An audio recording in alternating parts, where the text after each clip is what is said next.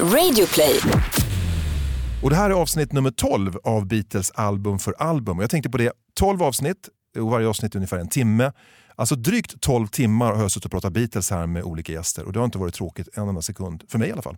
Jag tycker ämnet är otroligt fascinerande och det har varit intressanta gäster. Och det är det även idag. Vi ska prata om Beatles album A Hard Day's Night som också är Beatles första långfilm.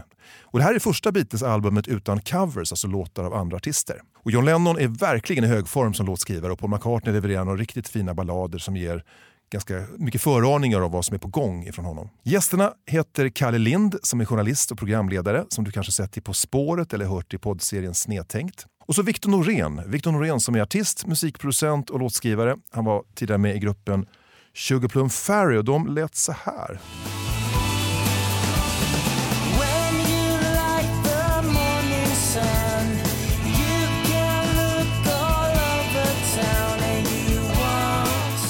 20 pund Ferry alltså med Viktor Norén och eh, nu håller han mycket på med det här projektet.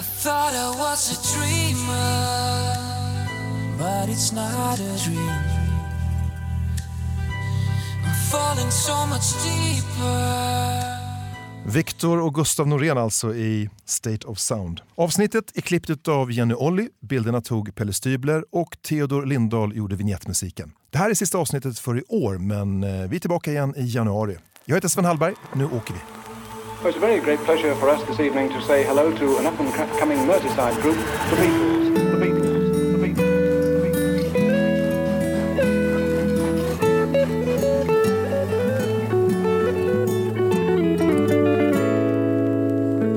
Hej och välkomna, Kalle och Viktor. Tack för detta. Tack så jättemycket. Vi ska prata om Beatles album A Hard Day's Night. Världens bästa soundtrack. Ja, det kan man nog säga. Ja, om inte det är Jesus Christ Superstar. Eller Saturday Night Fever. Men det är andra, det är andra poddar. Ja, i- Just i, i den här podden så hävdar vi att givetvis att det är... Beatles har ju gjort en del soundtrack faktiskt. Ja, men jag tänker, är det bättre än till exempel Yellow Submarine soundtracket eller Magical Mystery Tour soundtracket? Eller Let It Eller Be, Help soundtracket. Eller Let It Be soundtracket. Ja, precis. Det är ju bara Är du soundtrack. säker på detta?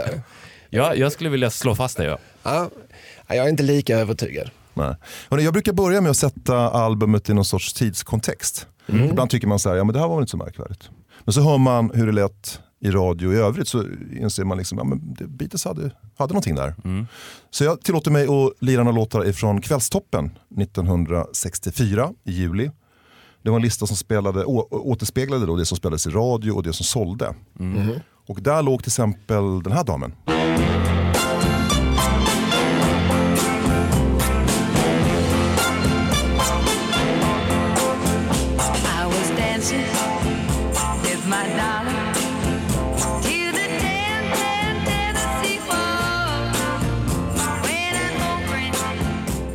Hör ni vad det är? Eh, Det är inte hon som är Alma Coogan? Stämmer? Ja, Bra. Tennessee Waltz. just det. Och det här är väl en upppoppad version av en eh, traditional eller en evergreen va? Det låter rimligt. Det, kä- det känns väldigt eh, generisk.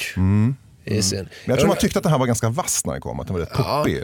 Och visst gjorde Tova Karlsson denna på svenska? Det kan nog stämma. Det låter troligt. Ja, och det är ju någon sorts slager med, med orkester och, som har ju ändå liksom en förhållandevis fet ljudbild. Men det, det är ju inte så svängigt, det är inte så stökigt, det är, inte så, det är rätt långt ifrån rock. Ja, fast man tyckte nog att det var rätt så poppigt. Ja. Då. Ja, ja. Nej, men, och det är, det, det är ju melodiöst och lättnynnat. Men också på samma lista ligger då världens mest sålda ska-låt. Mhm. Vet ni vad det är? Jag trodde det var Ska är ju en smal genre annars. Ja. Men det här blev en världshit.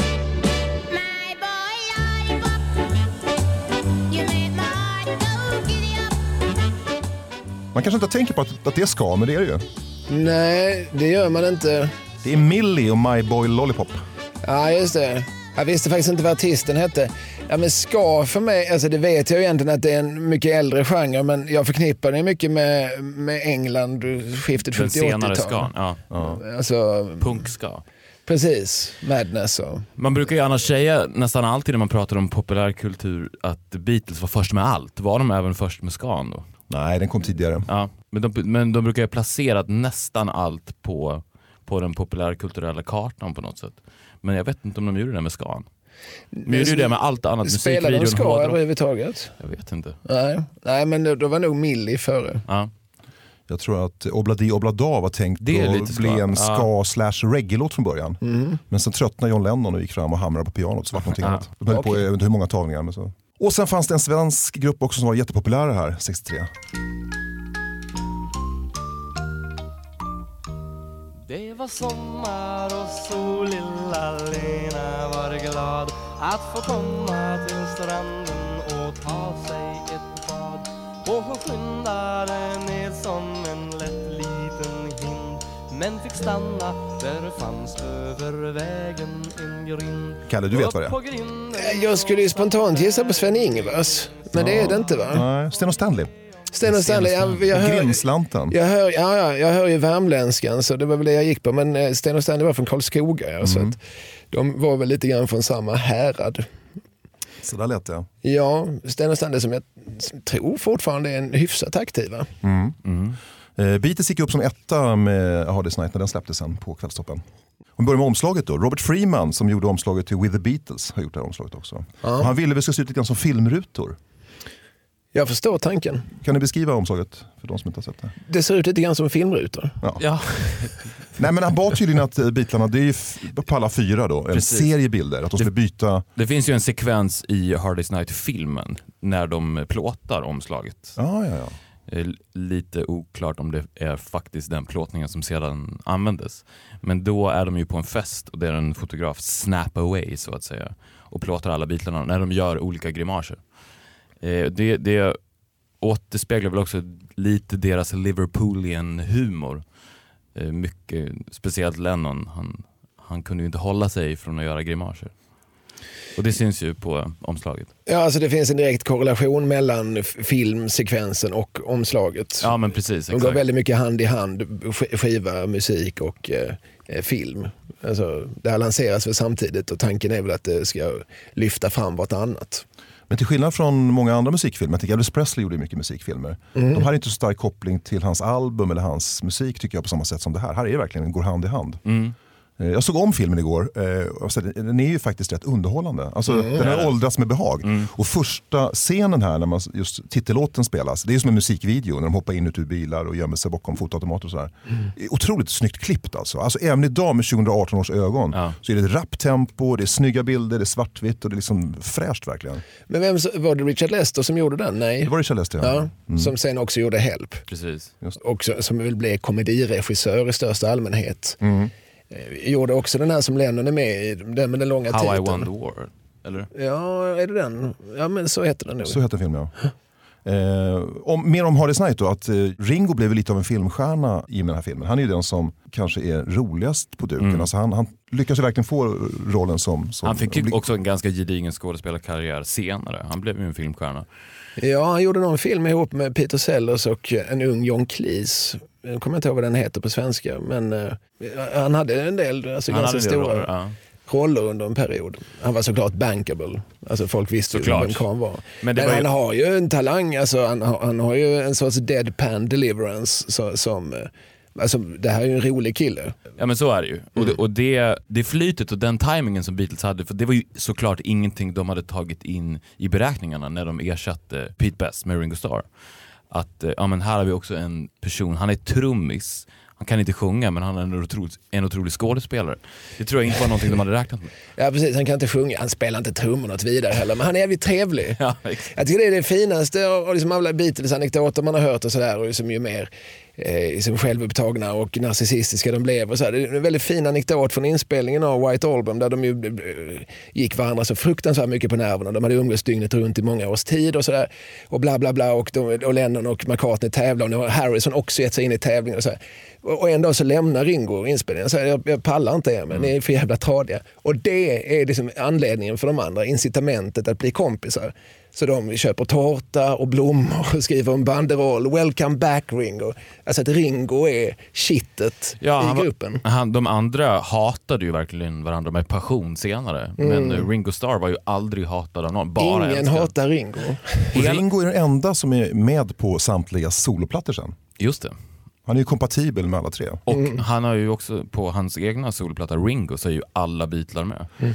Det är också ganska unikt. Och, och det, där, det vi pratar om nu, det tror inte jag är att underskatta. Alltså jag tror väldigt mycket eh, hemligheten i massa gruppers framgång eller, har ju med gruppdynamik att göra. Om den funkar eller om den inte funkar. Det kan ju, alltså, dissonansen kan ju också vara kreativ på något sätt.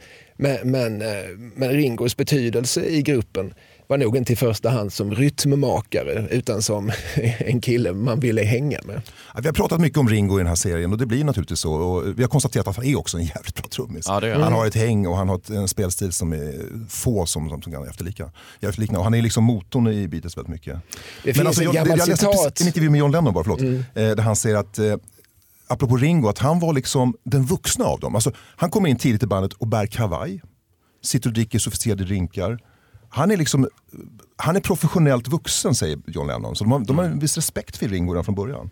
Och han och John är väl jämngamla, de är födda 40 bägge, så det var de två som var storebröderna.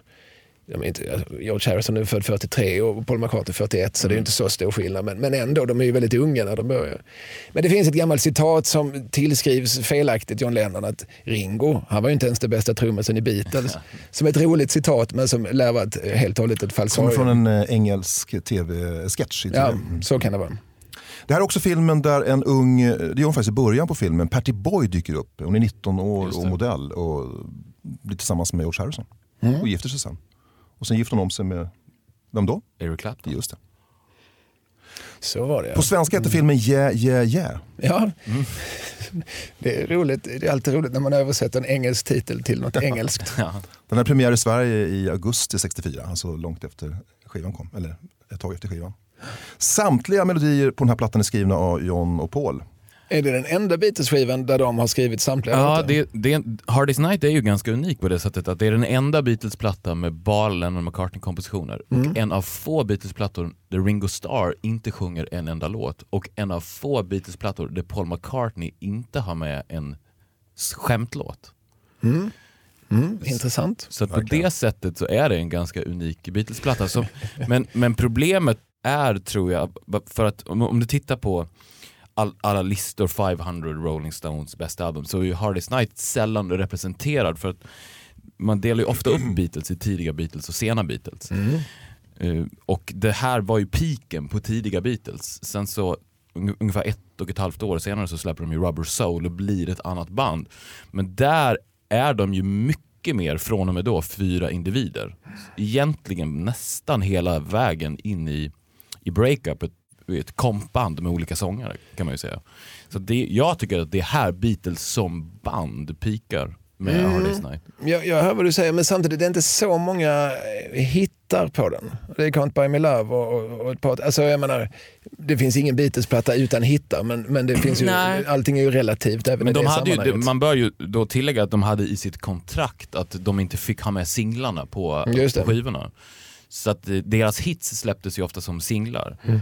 Alltså I wanna hold your hand och She loves you släpps ju samma år. Mm. Gigantiska låtar. Och sen så, så att albumet i sig blev ju en hit. Ja, ja.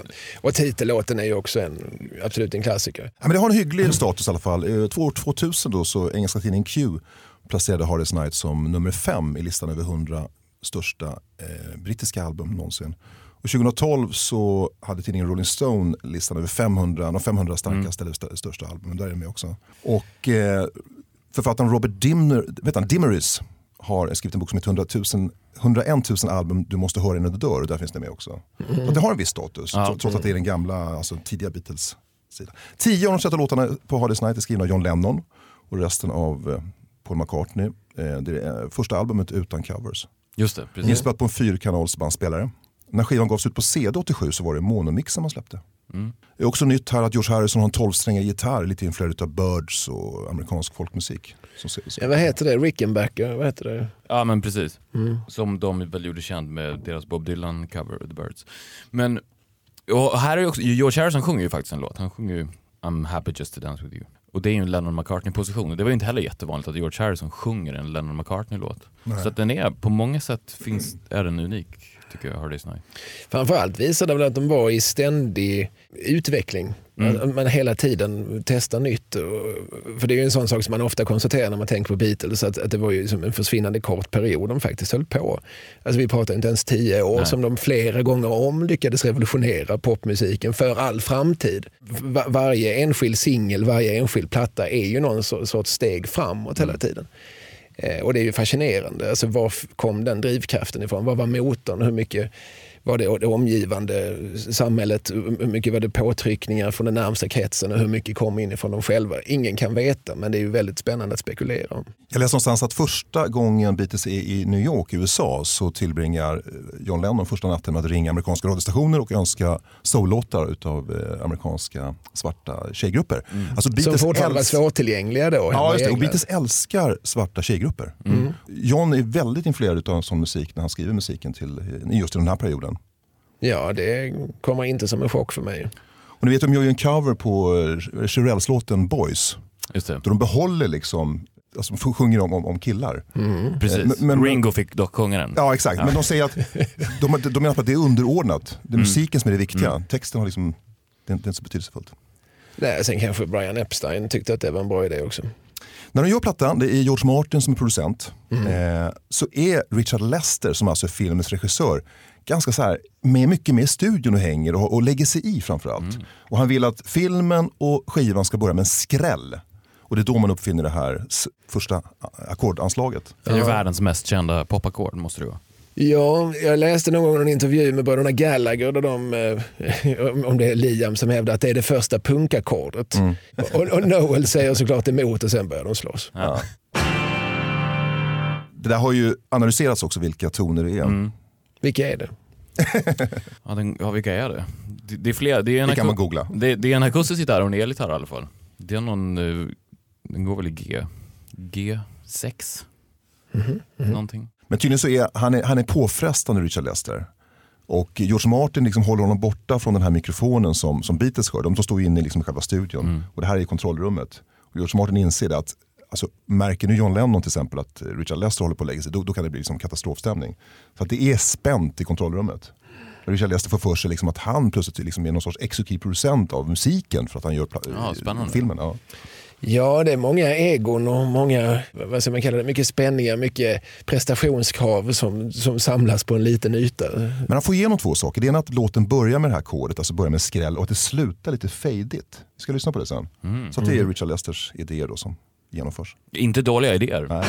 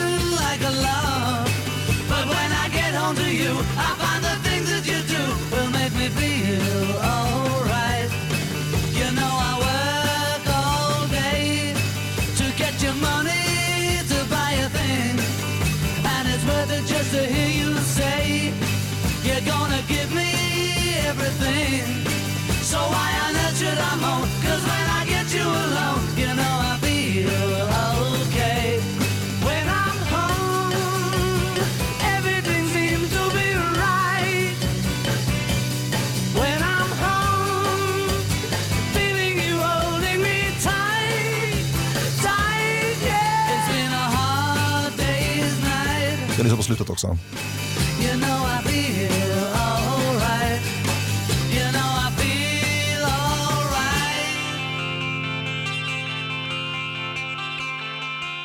Snyggt. Det där var alltså Richard Lesters idé.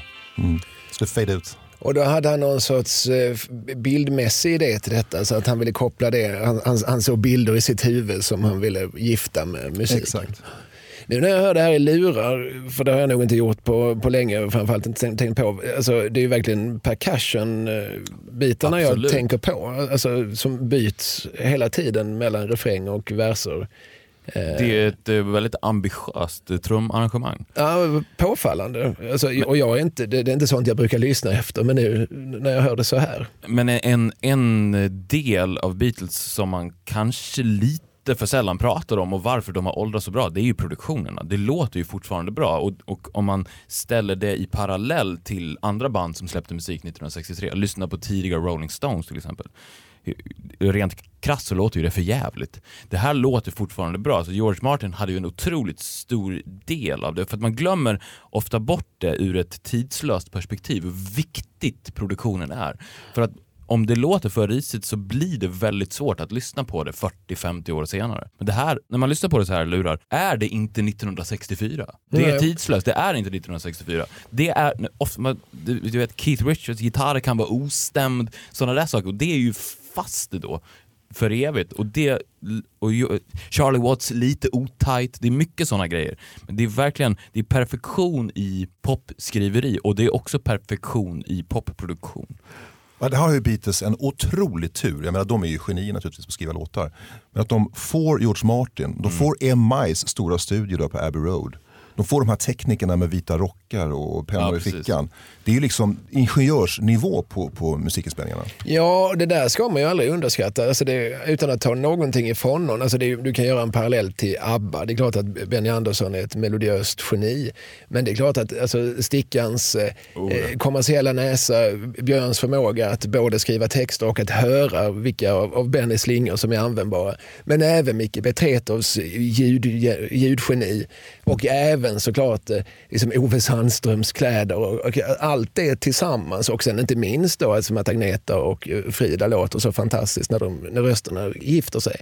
Alltså, det är ju ett antal olika faktorer. Du kan vara hur genial du vill. Träffar du inte människor som Nej, på något vis kan, kan lyfta fram den så, så kan du vara liksom, gå, gå hemma i garderoben och vara genial. Det, det krävs ju ett antal människor. Hard Day's Night inleder alltså LP-skivan och det är Lennon som har skrivit den. Och han, har, han skriver här hemma. Han har lite bråttom för att man ska få till en titellåt till filmen. Och samtidigt som John skriver den här så ligger Beatles Can't Buy Me Love etta på listan och den skrev Paul McCartney. Så det fanns en liten tävling där. Ja, det. Och det har väl många människor konstaterat tidigare men det är ju ytterligare ett skäl till att Be- Beatles eh, kan spruta ur sig så mycket eh, som hitlåtar. Det är att det också är två och så småningom tre som tävlar. Mm. Åtminstone inledningsvis en sund konkurrens. Andra låten på Hard Day's Night den heter I should have known better. Det är en Lennon-låt. Han var inspirerad av Bob Dylans munspelande. Harrison hade köpt Dylans Free Wheeling i Paris lite innan och det hade man lirat tillsammans och inspirerats av. Och I stort sett så består låten av en ton. Det är Harrison som spelar på en 12-strängad Rickenbacker 360 Deluxe. Vet du vad det är för någonting Viktor? Eh, ja, jag är ju inte jättenördig när det kommer nej. till gitarrer. Nej, jag, jag är ju mer... Men 12-strängad innebär väl att det blir lite fylligare ljud i alla fall? Ja precis, det är två oktaver. Varje sträng har en till oktav. Så det blir ju ungefär som att du spelar på två gitarrer samtidigt. Du får ju ett väldigt speciellt ljud. Plus att strängarna, det är svårt att stämma strängarna så att de är exakt på frekvensen precis lika stämda. Så att det skevar lite grann vilket också ger det här ganska unika ljudet. Det är svårt att återskapa 12 strängar med två gitarrer. Utan det är när du slår på dem tillsammans och de här frekvenserna skapar det här. Du hör ju direkt när det är en 12 gitarr.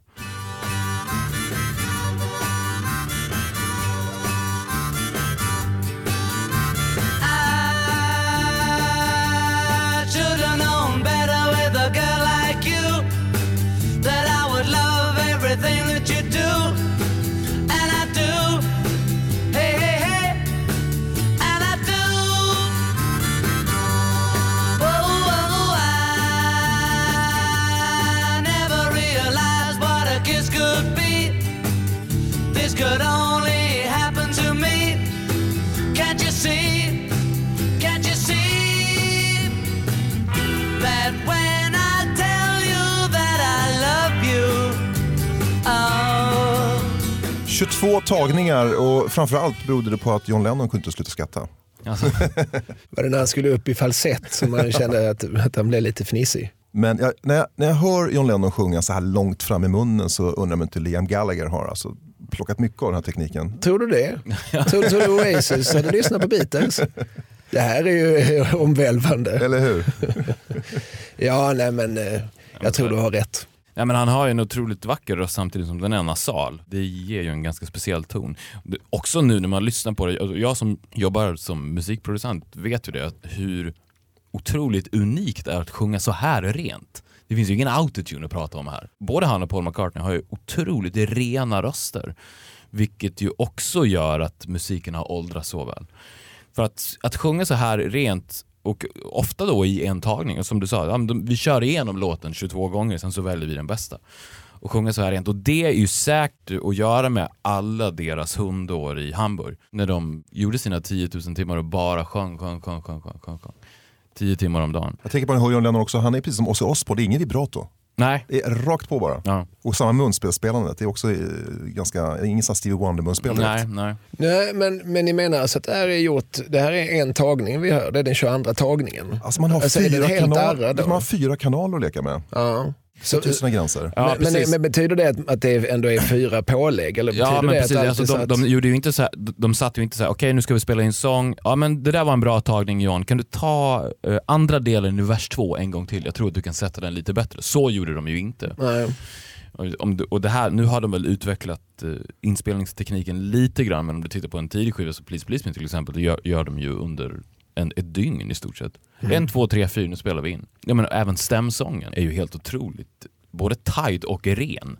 Vilket man heller, det, det, när man pratar om Beatles så pratar man ju sällan om av vilket tight band de är, vi- vilka, vilken ren sång det är. Ren sång har jag kanske inte hört så mycket att det pratas om som kanske borde, men just det tajta och eh, hamburgaråren som Ja, förklaring ja. till det och så. Det, det är väl en del av, av berättelsen. De, de blev så fruktansvärt sammansvetsade när de, när de, när de stod där på repband Ja, ja men absolut. varje dag hela tiden och dessutom liksom, liksom för fulla sjömän och så här, det som man, som man ska få lära sig och käfta med och, och var, var intressanta trots att det finns så oerhört många andra distraktionsmoment och, och så där, att, att det verkligen är hundåren och grundkursen. Och även tredje låten är en Lennon-låt, If I Fell. If I fell in love with you, would you promise to be true and help me understand? Cause I've been in love before and I found that love was more than just holding hands. If I give my heart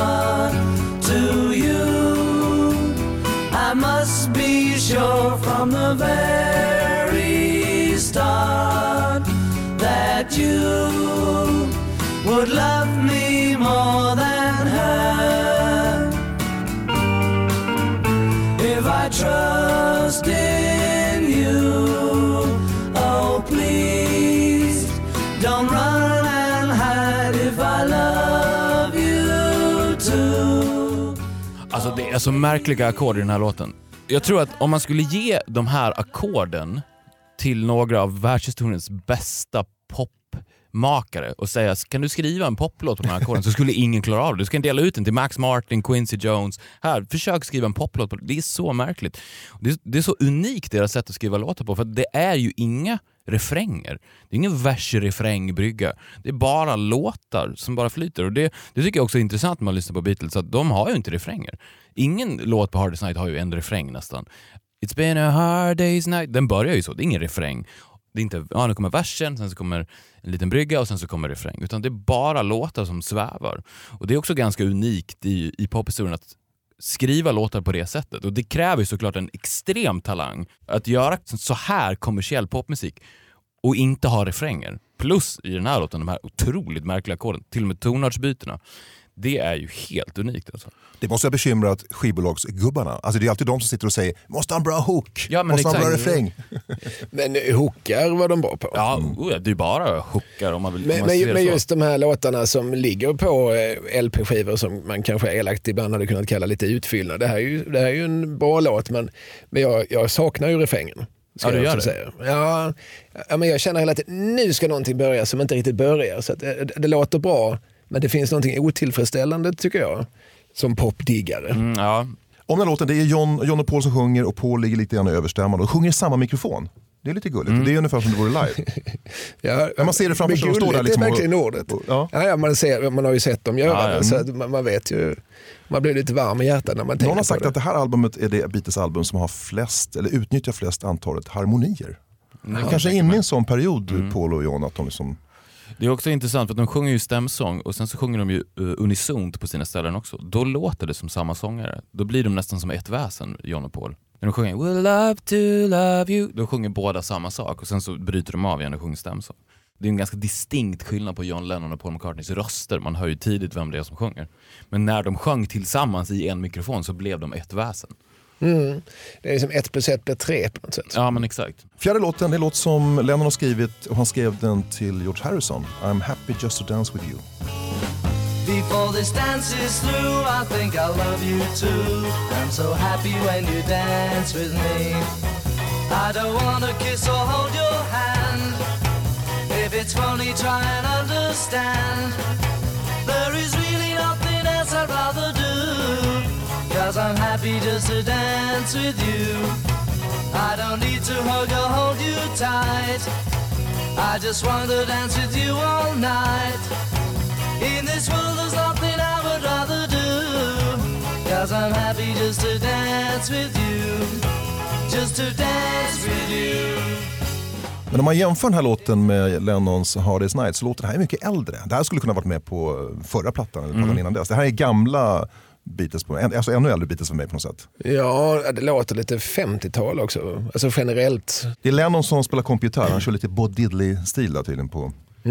Om man lyssnar på Paul McCartneys bas, han, han är ju en, en otroligt märklig basist också. Att han, att han väljer då i introt att spela sångmelodin på basen. Det är ju inte många basister som skulle välja att göra det. Det har ju antagligen att göra med att han egentligen är gitarrist. Han blev ju påtvingad basen kan man ju säga. Att, men vem ska spela bas? Ja men jag får väl göra det. Alla var ju gitarrister.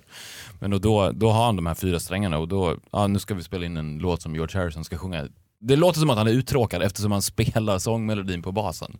Han kompar liksom inte bara... Så tänker jag ofta också att han är lite understimulerad. Därför Precis, är han så otroligt exakt. kreativ på sina basgångar. Ja, Ja, nej, men så kan det väl absolut vara. Jag vill också höras. Alltså, Ja, men återigen exakt. en del av den här liksom, sunda Ja, tävlingen. och sen är han, också, han är ju supermusikalisk. Så det är klart att han inte väljer den lätta vägen. Liksom. nej. Ett poddtips från Podplay. I fallen jag aldrig glömmer djupdyker Hasse Aro i arbetet bakom några av Sveriges mest uppseendeväckande brottsutredningar. Går vi in med hemlig telefonavlyssning och, och då upplever vi att vi får en total förändring av hans beteende. Vad är det som händer nu? Vem är det som läcker? Och så säger han att jag är kriminell, jag har varit kriminell i hela mitt liv men att mörda ett barn, där går min gräns. Nya säsongen av Fallen jag aldrig glömmer på Podplay.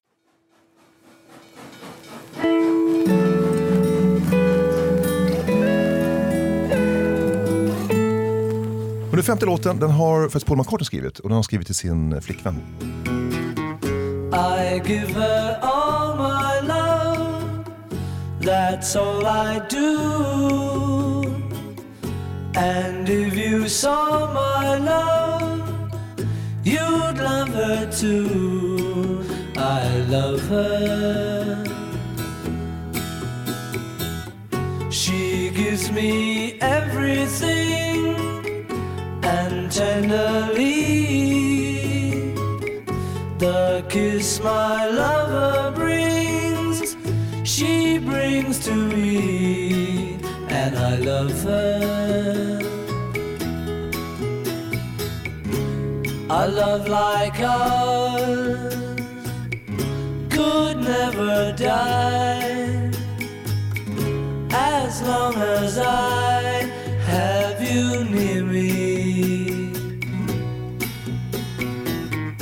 Bright are the stars that shine, dark is the sky.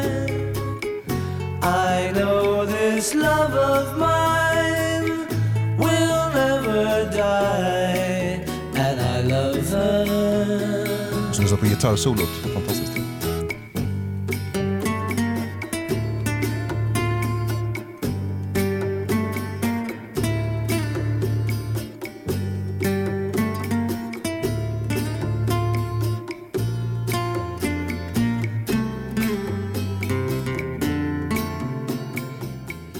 Paul har skrivit låten men Lennon bidrar med sticket. Jag vet inte, har vi hört sticket? Frågar producenten.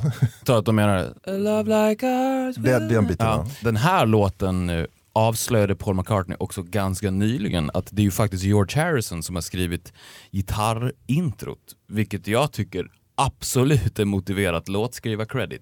Ding, ding, ding, ding. Det är ju oerhört enkelt och oerhört effektivt. otroligt. Jag tänkte på det också med, med solot, att det känns som att det här kan man sätta i händerna på en ganska ny gitarrist. Alltså det går att lära sig lite grann Ja. som Smoke on the Water. Och så, så det, det är ganska, på ett vis ganska lättspelat samtidigt som det är så oerhört distinkt och tydligt Ja. och melodiöst. Så på det sättet så har ju George Harrison också bidragit till den här plattan, låtskrivarmässigt också tycker jag. Jag tycker att det här, det här introt, det här riffet är bland det, det bästa på hela Hard Day's Night-skivan. Och sen så är det också intressant att av någon anledning så skriver Paul McCartney mycket i moll på den här plattan. Den melankolin i han är ju otroligt vacker.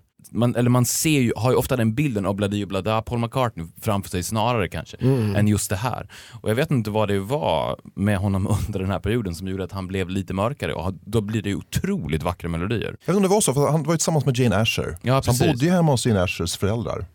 Och jag tror att vid den här tiden hade Jane Asher fått eh, en roll som skådespelare någonstans i en annan stad. Så han bodde själv, alltså tänk dig, Paul bor alltså hemma hos svärföräldrarna.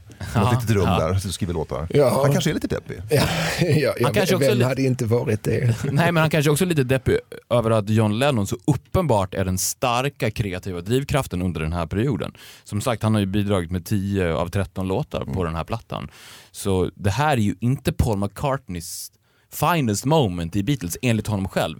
Vilket då ironiskt nog leder till att det nästan är det. Att när han får liksom ha lite strössel på kakan så tycker jag att han, då exploderar Paul McCartney. Man komprimerar hans låtskrivartalang i bara några få låtar så här. Och sen så, John Lennon, han, han, han driver på, han kör det här tåget. Och sen så kommer Paul. Senare i Beatles så blev det ju tvärtom lite eftersom John Lennon lite slutade bry sig när han träffade Yoko Ono. Och lät Paul, ja men gör din grej då, gör Sgt. Pepper. Jag kan Kanske knarka. Ja, ja men precis. John Lennon har kallat det här för Paul. McCartneys första Yesterday. Ja. Det är lite generöst ändå. Ja, nej, men jag förstår ju vad han menar. Sjätte låten, det är en Lennon-låt igen. Det är en låt som heter Tell Me Why.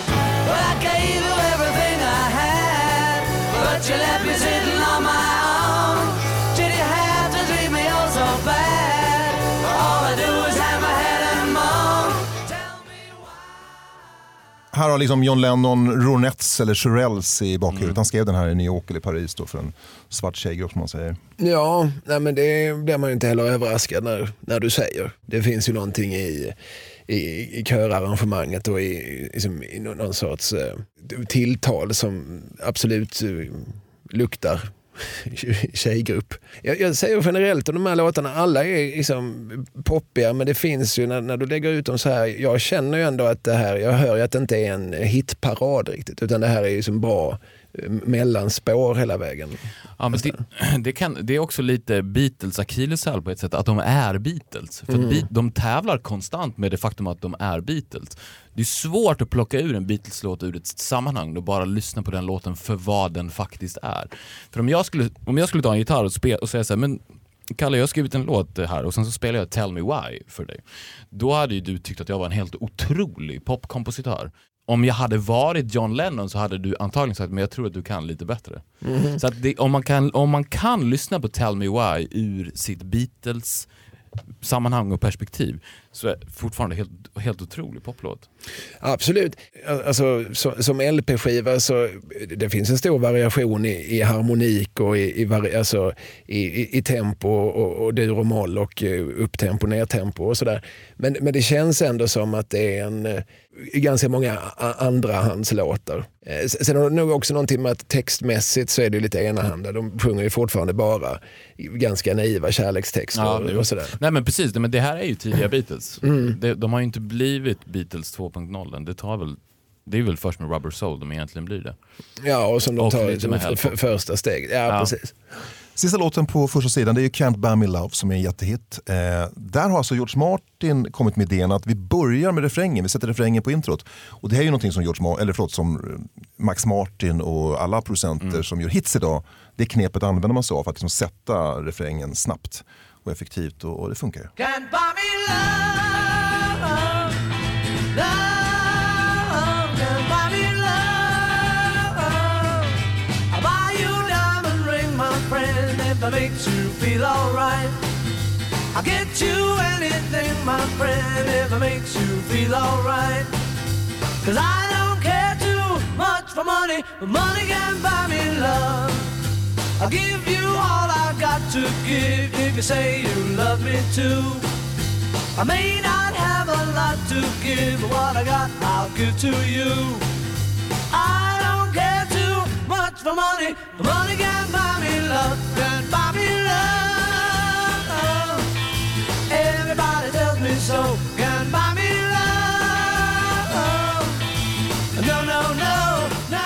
Här är i början på Beatlemania. Det är den här låten som knuffar ner Elvis från tronen har de sagt. Nu tar Beatles över.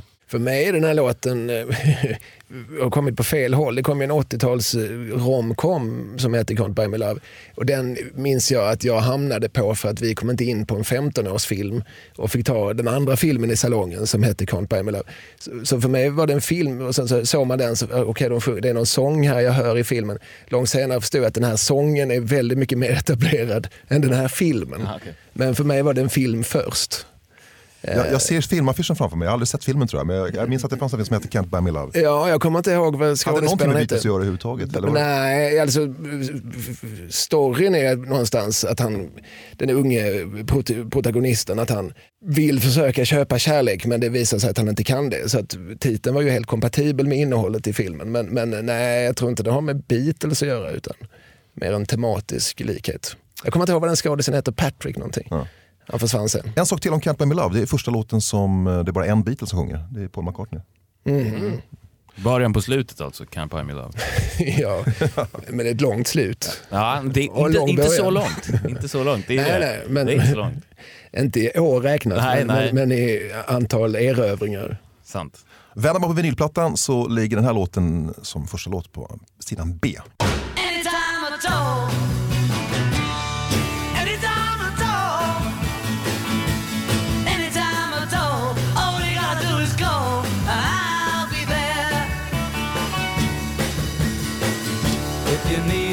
Somebody to love, just look into my eyes.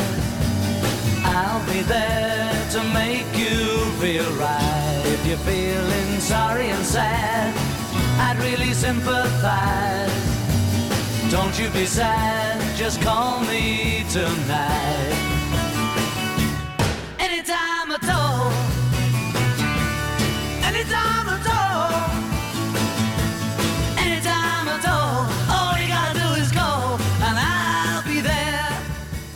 Det är sista låten man spelar in när det är Lennon som skriver och sjunger.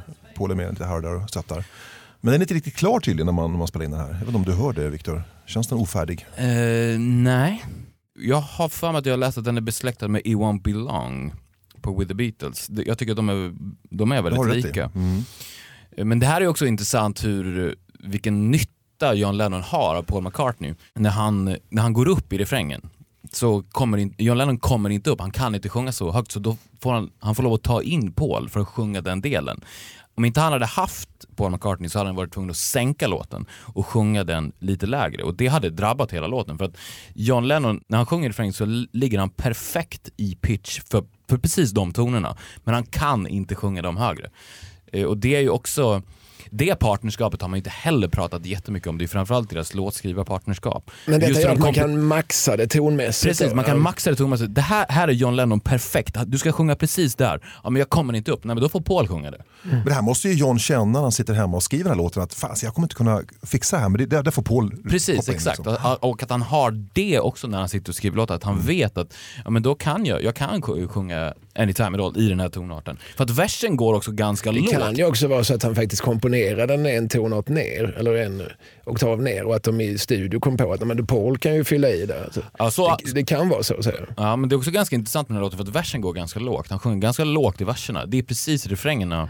Så att eh, spannet är ganska stort rent tonmässigt. Som svar på din fråga innan Sven, om, om det hörs att låten inte är riktigt färdig. Jag tycker att det gör det på ett sätt, för jag tycker det låter som man, man har gift ihop två olika låtar lite grann. Alltså den, den, det är en ganska, dra, ganska drastiskt brott mellan, Men det, om vi ska kalla det det refräng är och vers. ofta Lennon tycker jag, att han, han plockar ihop eh, Och det är säkert högst medvetet och, och, och jag liksom. gillar det. Men, men det känns ibland som att eh, det finns en dissonans eller en sorts eh, diskrepans, jag kanske säga.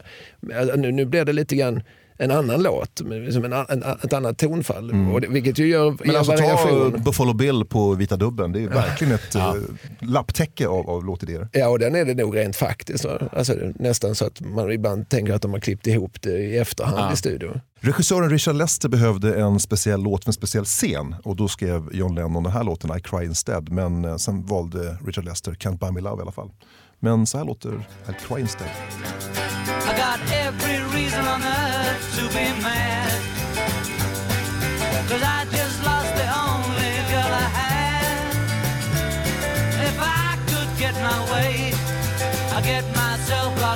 Today, but I can't, so I cry instead. I got a chip on my shoulder that's bigger than my feet. I can't talk to people that I meet. If I could see you now, I'd try to make you sad somehow, but I can't, so I cry instead. Don't wanna cry when there's people there. I get shy when they start to stare. I'm gonna lock myself away, hey, but I'll come back again someday. And when I do, you better hide all the girls. Inte så pjåkig. Nej, jag kan inte erinra mig att jag har hört den innan, men jag gillar den spontant. Nu när du säger det, det låter lite som ett beställningsjobb, vilket också då påvisar John Lennons otroliga talang. Ah, Okej, du vill ha en låt, men jag skriver den här. De är konstiga Beatles. Vad, det är ingenting, vad är det? Är det country western? Eller Jag vet är det? inte. Alltså, Ja, ja. jag, jag kan inte för mitt liv förstå hur man kan sätta sig och skriva en sån här låt. Också när man, man, när man lyssnar på den ur ett mu- musikaliskt perspektiv, det är så konstiga ackord. Jag vet inte var de fick det ifrån. Det var ju ingen, ingen annan som skrev pop på det här sättet. Det- Jag vet inte om det var för att de själva förstod vilken otrolig talang de hade så att de ville utmana sig själva. Att det är för lätt. Det är för lätt att göra en låt med G, C, D. Jag måste göra någonting annat. Jag, jag, vill- ta mig hit på något sätt och fortfarande få det bra. Hur Men, gör men jag det? vi som inte skriver musik, för oss är det fortfarande ett mysterium var ni får musiken ifrån. Kan inte du beskriva den processen? För du skriver ju låtar. Är det här, någon har beskrivit det som att man är en, en, en parabol eller radar som fångar upp melodislingor. Alltså, var Eh, kommer det här ifrån? Liksom? jag, jag tror att mystiken kring det är lit, också lite överskattad. Alltså, det, hitta på en melodi, det kan ju alla göra. Och sen så, man måste ju ha ett filter. Det, jag tror att det är det som skiljer riktigt eh, skickliga låtskrivare ifrån andra. Att vem som helst kan ju hitta på en melodi.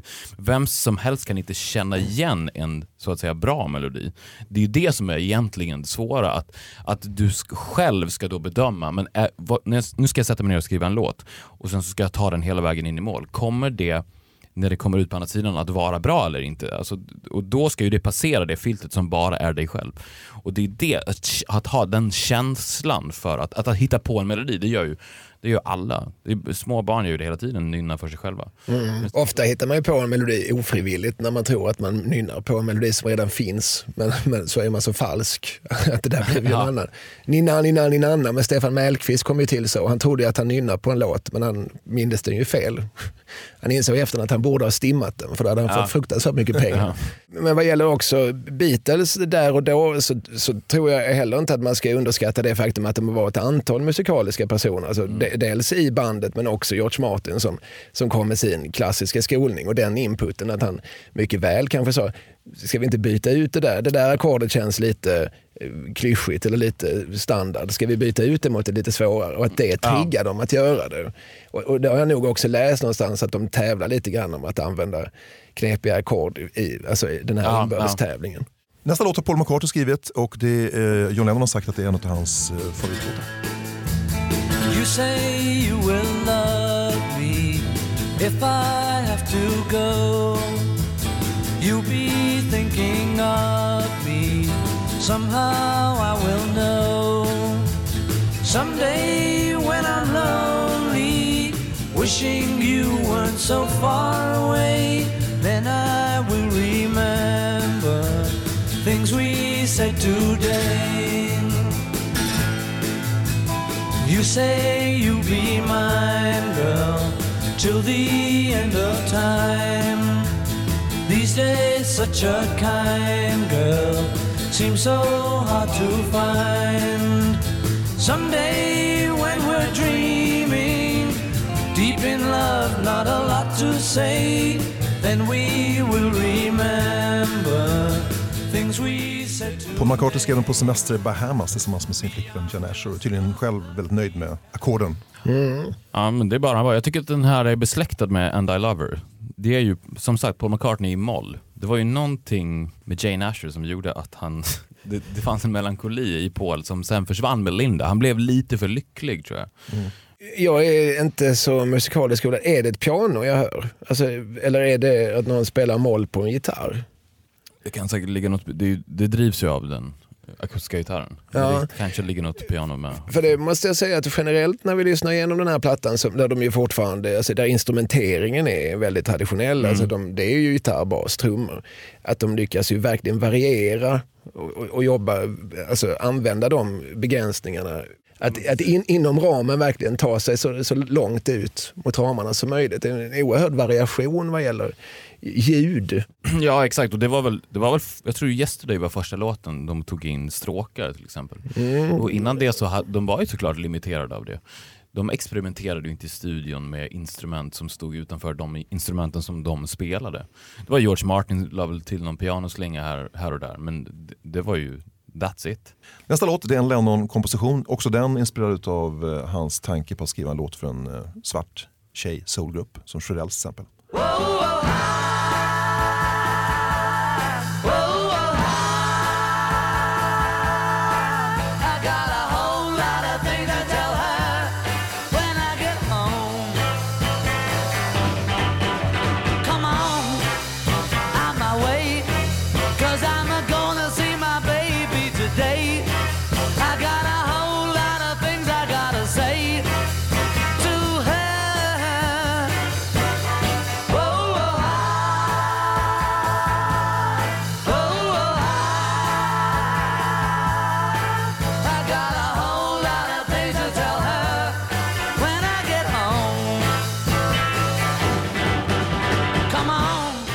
jag kan ju höra i huvudet hur det skulle ha låtit om man spelade in den här på Stax Records eller Atlantic eller Motown. Ja, Jag precis. undrar om John själv tycker att det blev som han ville. För att det här är ju det är en okej poplåt, men alltså, jag har en teori om att poppen föds i England när unga vita musiker förs- försöker spela soul och rhythm and blues. Då blir det så här, liksom. det blir, det blir den här beatet. Liksom. Ja, då blir det ju någonting som inte finns innan. Nej. Men jag kan mycket väl tänka mig att den här finns coverad av någon. Alltså, Motown vet jag att de spelar in verkligen högvis med, med Beatles. Det finns ju med alla deras grupper. Diverse inspelningar. Barry Gordy bara som slängde in sina olika Eh, grupper. Så, så kärleken var ju någonstans besvarad. Eller, eller om det nu var det kommersiella väderkornet, det är ju svårt att säga. Men jag håller med dig att den är helt okej, men den hade ju varit fantastisk i struparna på Ronettes eller Shirelles. Ja, Lennon McCartney skrev ju ganska mycket låtar till andra artister också. De jobbade ju parallellt med det och det var ju ofta leftovers som de inte tyckte riktigt var starka nog för Beatles. Och flera covers också som var album fillers för Beatles blev ju stora hits med andra artister. Eh, Men jag är lite osäker på den här, men det, ja, men det här är ju absolut en filler.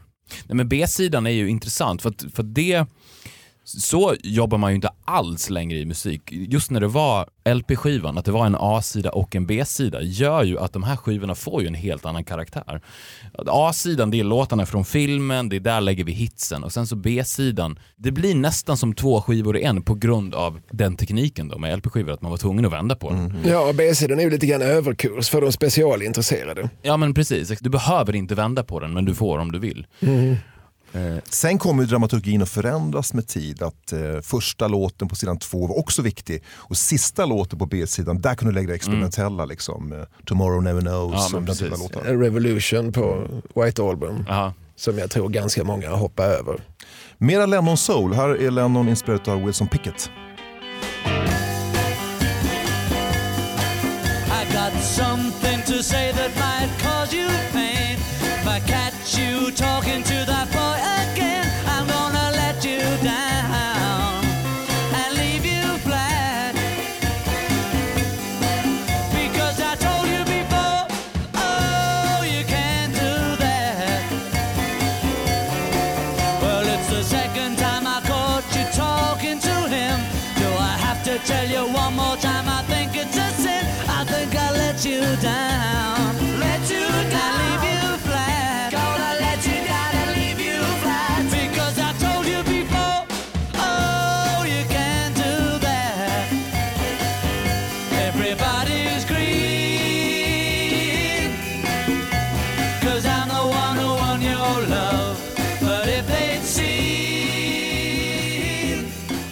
Ännu en gång så har George Harrison då skrivit eh, intro-idén här. Och även outrot då. Jag måste ju hitta på något, sa George Harrison när Tom Petty frågade om det här. Men både intro och outro är ju bra. Introt eh, förebådar ju någonting. Det, finns någonting väldigt kittlande i det introt tycker jag. jag. Jag känner på mig att jag vill höra fortsättningen. Just John Lennon sjunger den här typen av låt är ju så otroligt Hard Day's Night. Det är ju ändå ganska imponerande med tanke på hur kompakta de ändå var tidsmässigt. Alltså det här var ju alltså 1964. Det här är deras tredje platta. De släpper en till skiva samma år och sen så släpper de två till skivor året därefter. Att Och turnerar och spelar in film. och turnerar och spelar in film. Men ändå så låter varenda produktion de gör så unik. De lyckas på något sätt få det till ett sammanhang trots att allting sker i stort sett samtidigt. Jag vet inte hur de lyckades med det heller. De, det måste ju nästan ha varit så att de jobbade så pass mycket att de slutade räkna tid. Och- Och där tror jag återigen att det finns också input från andra människor. Att det, man får inte glömma att det finns ett sammanhang. Att de, de, de rörde sig inte i ett vakuum, John och Paul och George och Ringo. Utan George Martin och Brian Epstein och, och ett, ett skivbolag och, och sådär också fanns. Också ett kommersiellt tänkande fanns. Det tycker jag också är som en, en, en aspekt. Det här var ju människor som helt accepterar att vi, vi är varor på en marknad. Ja, precis. Vi, vi måste någonstans både tillfredsställa och eh, publiken samtidigt som vi ska ge dem någonting som de inte visste att de ville ha. Alltså det tänket finns ju också där. Men det är på gott och ont också när det är så Ja, mycket ja. rådgivare och människor runt omkring. Men jag läste någonstans att de är i Paris och då kommer liksom ett gäng från EMI i London och säger att ni måste spela in eh, de här låtarna på tyska. För på tyska marknaden funkar inte engelska. Så de lägger alltså tid på att göra en tre, fyra låtar med, med tysk text. Helt meningslöst. För att mm. gubbar på ett kontor har fått för sig det. Men de, de var ju verkligen slavar, de hade ju en otro, ett otroligt dåligt skivkontrakt också. De började ju inte tjäna riktiga pengar egentligen förrän på 70-talet.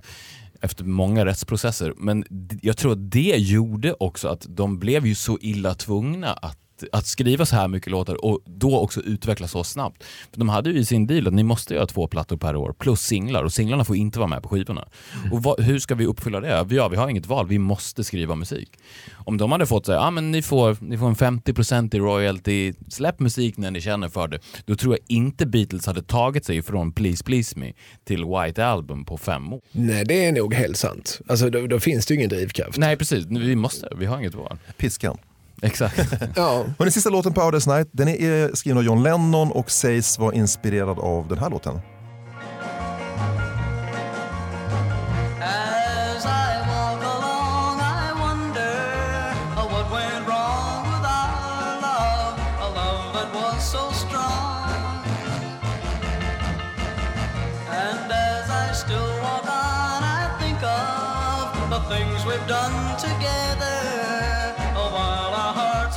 Har ni vad det är? Jag känner igen den jätteväl, men jag kan inte placera artisten. Det är Del Shannon och Så Runaway. han, Jag vet inte om ni har något släktskap här med Lennons. You know, if you break my heart, I'll go, but I'll be back again. Cause I told you once before goodbye, again. I love you so, I'm the one who wants you. Yes, I'm the one who wants you. Oh, oh, oh, oh. You could find better things to do than to break my heart again. Återigen en sån här låt som kanske saknas av traditionell refräng, vers. Ja. Utan det är, Nu när jag fick höra Del Shannon innan så det är klart att jag hör likheterna. Men jag hör ju också skillnaderna. Jag hör, alltså, när du berättade så låter det logiskt. Han hade den här som någon sorts inspiration och då tror jag ju också att han tänkte att jag måste ju också se till att den låter så olik som möjligt när inspirationen är så, så tydligt definierad. och en av likheterna det är väl det här dur till moll. Då, att man, Otroligt snyggt. Att han börjar den i dur och sen går in i moll. Det gör ju effekten av moll så otroligt mycket starkare. Mm. Men, nej, men det är precis som du säger Sven, det är ett unikt sätt att skriva popmusik på. Jag kan inte, jag vet ingen annan som skrev låtar eller skriver låtar på det sättet. Det är för att det är en helt annan struktur. Det är alltid en A-del och en B-del. Och det är A-delen du kommer ihåg. Och alla låtar börjar med A-delen. It's been a hard day's night. Det är det du sjunger på. Så börjar låten. Samma här. You know if you break my heart I go. Det är det du sjunger på. Det första som sker i låten är det du sjunger på när du ska referera till låten. Och så är det inte med annan, annan musik. Annan musik är ju See that girl, watch that get the dancing queen. Det kommer 1.07 in i den låten. Och det är ett otroligt unikt sätt att skriva pop på och jag vet inte varför ingen annan gör det. Antagligen för att det är otroligt svårt. Det, det är, det är komplicerad popkomposition där. Ja, men det är ju väldigt effektivt. Sen så inbillar sig nog många att motsatsen också är effektiv. Att man ska någonstans Precis. hålla publiken på halster så länge som möjligt innan det exploderar i en refräng. Men att man vill ha den uppbyggnaden. Men, men det är ändå intressant att det absolut största popbandet genom alla tider skrev mus- popmusik på ett sätt. Och efter dem så är det ingen som skriver det på det sättet. Och- jag vet inte varför. Jag skulle i alla fall vilja se att någon försökte skriva, musik, skriva popmusik på det sättet. Försökte inte Noel Gallagher till exempel? Nej, det är jämnt refränger. Det är jämnt. So Sally can wait. Det är alltid refränger. Det är precis det som är grejen, att det du sjunger på börjar inte låten med. Och det är det som är unikt. Och så gjorde ju de framförallt i början. Senare kom det ju mer refränger med liksom Let it be, let it be. Det, just det här Obladi oblada. Ja, ja. Där har du Ja. refräng. Men inte i början. I alla fall väldigt sällan. Och jag, det är ju konstigt eh, det du säger för att det, det är ju effektivt. Alltså jag är ju Otroligt ge, ge, effektivt. genast inne i låten. Det, det jag vill ha. Alltså, vi, vi, vi skippar alla omvägar och sånt. Vi går direkt, Ja, direkt ja. till poängen. Det är ju egentligen konstigt att man inte gör musik mer så, alltså, när man tänker pop, när man tänker hits. Det är klart att vi ska börja Mm. Ja, men med, med det bra. Och, och det som är intressant är att ingen gör så. Ingen gör så av de stora. Alltså om du tittar på Michael Jackson, Bee Gees, ABBA. Ingen gör så. Hörrni, vi är klara med Hard Day's Night. Eh, och till lyssnarna säger vi, se filmen. Den är Mm. klart sevärd. Köp skivan, eller streama den.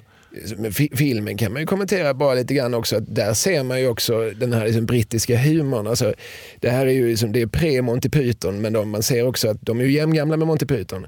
Eh, och man ser att de har samma gods med sig, sådana här gamla Ealing-komedier. Peter Sellers och Spike Milligan och eh, The, the, the Goon Show. De har lyssnat på, på samma radioshower och sett samma lite brittisk eh, underfundig crazy humor. Ja, men också den här ungdomliga kaxigheten de driver med den här gamla surgubben i kupén där på tåget. Ja. Det, det är lite punkigt alltså. Ja, precis. Det är väldigt mycket liksom, 60-tal på något vis. Med en fot som fortfarande är väldigt tydlig när man ser ett, ett, ett gammalt klassamhälle som, som liksom tio år senare kommer att ha vittrat ganska mycket som, som Beatles också börjar utmana och vara med att utmana med, med sin musik men också med sin allmänna attityd. Jag fråga er, om man skulle rekommendera någon som inte äger eller har lyssnat på Beatles tidigare, vilket album ska man börja med? Ja, men det, blir, alltså, det, är det, det är också komplicerat med Beatles för att man måste ju ge dem boxen. Det, är- det är ju så. Alla andra artister sa, men ta greatest hits och sen så kan du jobba dig bakåt. Men jag vet inte. Det är därför deras, deras best-offs blir konstiga. Alltså One med Beatles hits, det, det är inte Beatles för mig. Det är inte deras bästa platta. Det absolut inte. Det, det är nästan deras B-sidor känns det som. Och det är deras största hits. Och det är svårt också bara att ge, sätta någon... Om, om du aldrig, aldrig lyssnat på Beatles, här får du White Album. Va? Vad är det här för märklig musik? Man måste sätta det i hela sammanhanget och jag tror att det är det som gör dem unika och så otroligt stora också. Så jag skulle säga hela katalogen. Alltså, två av Beatles största fans är ju bröderna Gallagher. Jag minns att de i tidningen Pop någon gång för 15-20 år sedan blev ombedda att lista de bästa skivorna i alla kategorier. Och då satte de som etta och tvåa Beatles röda och Beatles blåa. Det vill säga de här klassiska det. samlingarna dubbel, som var dubbel-LP där de är fotade i samma situation mellan sju, med sju års mellanrum. Där de är prudentliga på framsidan och väldigt långhåriga på baksidan. Men det är de två, alltså samlingarna som de här stora, stora liksom Beatles, eh, självutnämnda Beatles-konnässörerna Gallagher väljer ut. Då får man i alla fall ett urval av deras karriär. För det, jag skulle nog säga att det är det, som, det, det fantastiska med Beatles, för- förutom melodikänsla och förutom att de hela tiden går i bräschen generellt, det är ju att de skapar så fruktansvärt många sorters musik som, får, som vi ändå idag självklart identifieras som pop. hela vägen. Allt, allt det här är ju liksom förlagor till popmusik som, som fortfarande är aktuell men, men fortfarande liksom inom ett väldigt, väldigt brett fält. Så att ja, jag skulle nog också, jag skulle nog, alltså vill du ha en grundkurs i Beatles så ska du ju ta någonting där du faktiskt ser resan från 63 till 70. Kalle och Viktor, om ni ska enas om en låt ifrån albumet nu som ska lyssna på i sin helhet, vilken låt skulle det bli? Ja, man kan säga alltså, de, de låtar jag hade med mig in här som jag hade en, som en stark relation till, det är ju titellåten och Can't Buy Me Love. Men det känns ju lite, It's been done it. ja, Jag skulle säga And I Love Her. ja men den, eh, den svängde. Så att jag är med på det. Tack så mycket för att ni ville vara med. Jättekul att vara här. Mycket trevligt. I give her all my love, that's all I do. And if you saw my love, you'd love her too. I love her. She gives me everything and tenderly the kiss my lover brings, me, and I love her. A love like ours could never die as long as I have you near me. Bright are the stars that shine, dark is the sky. I know this love of mine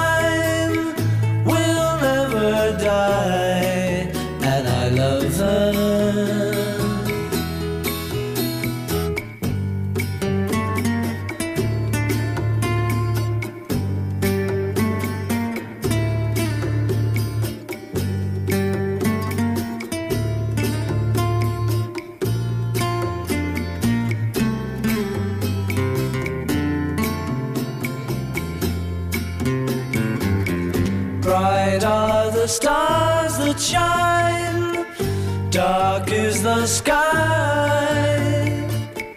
I know this love of mine will never die, and I love her.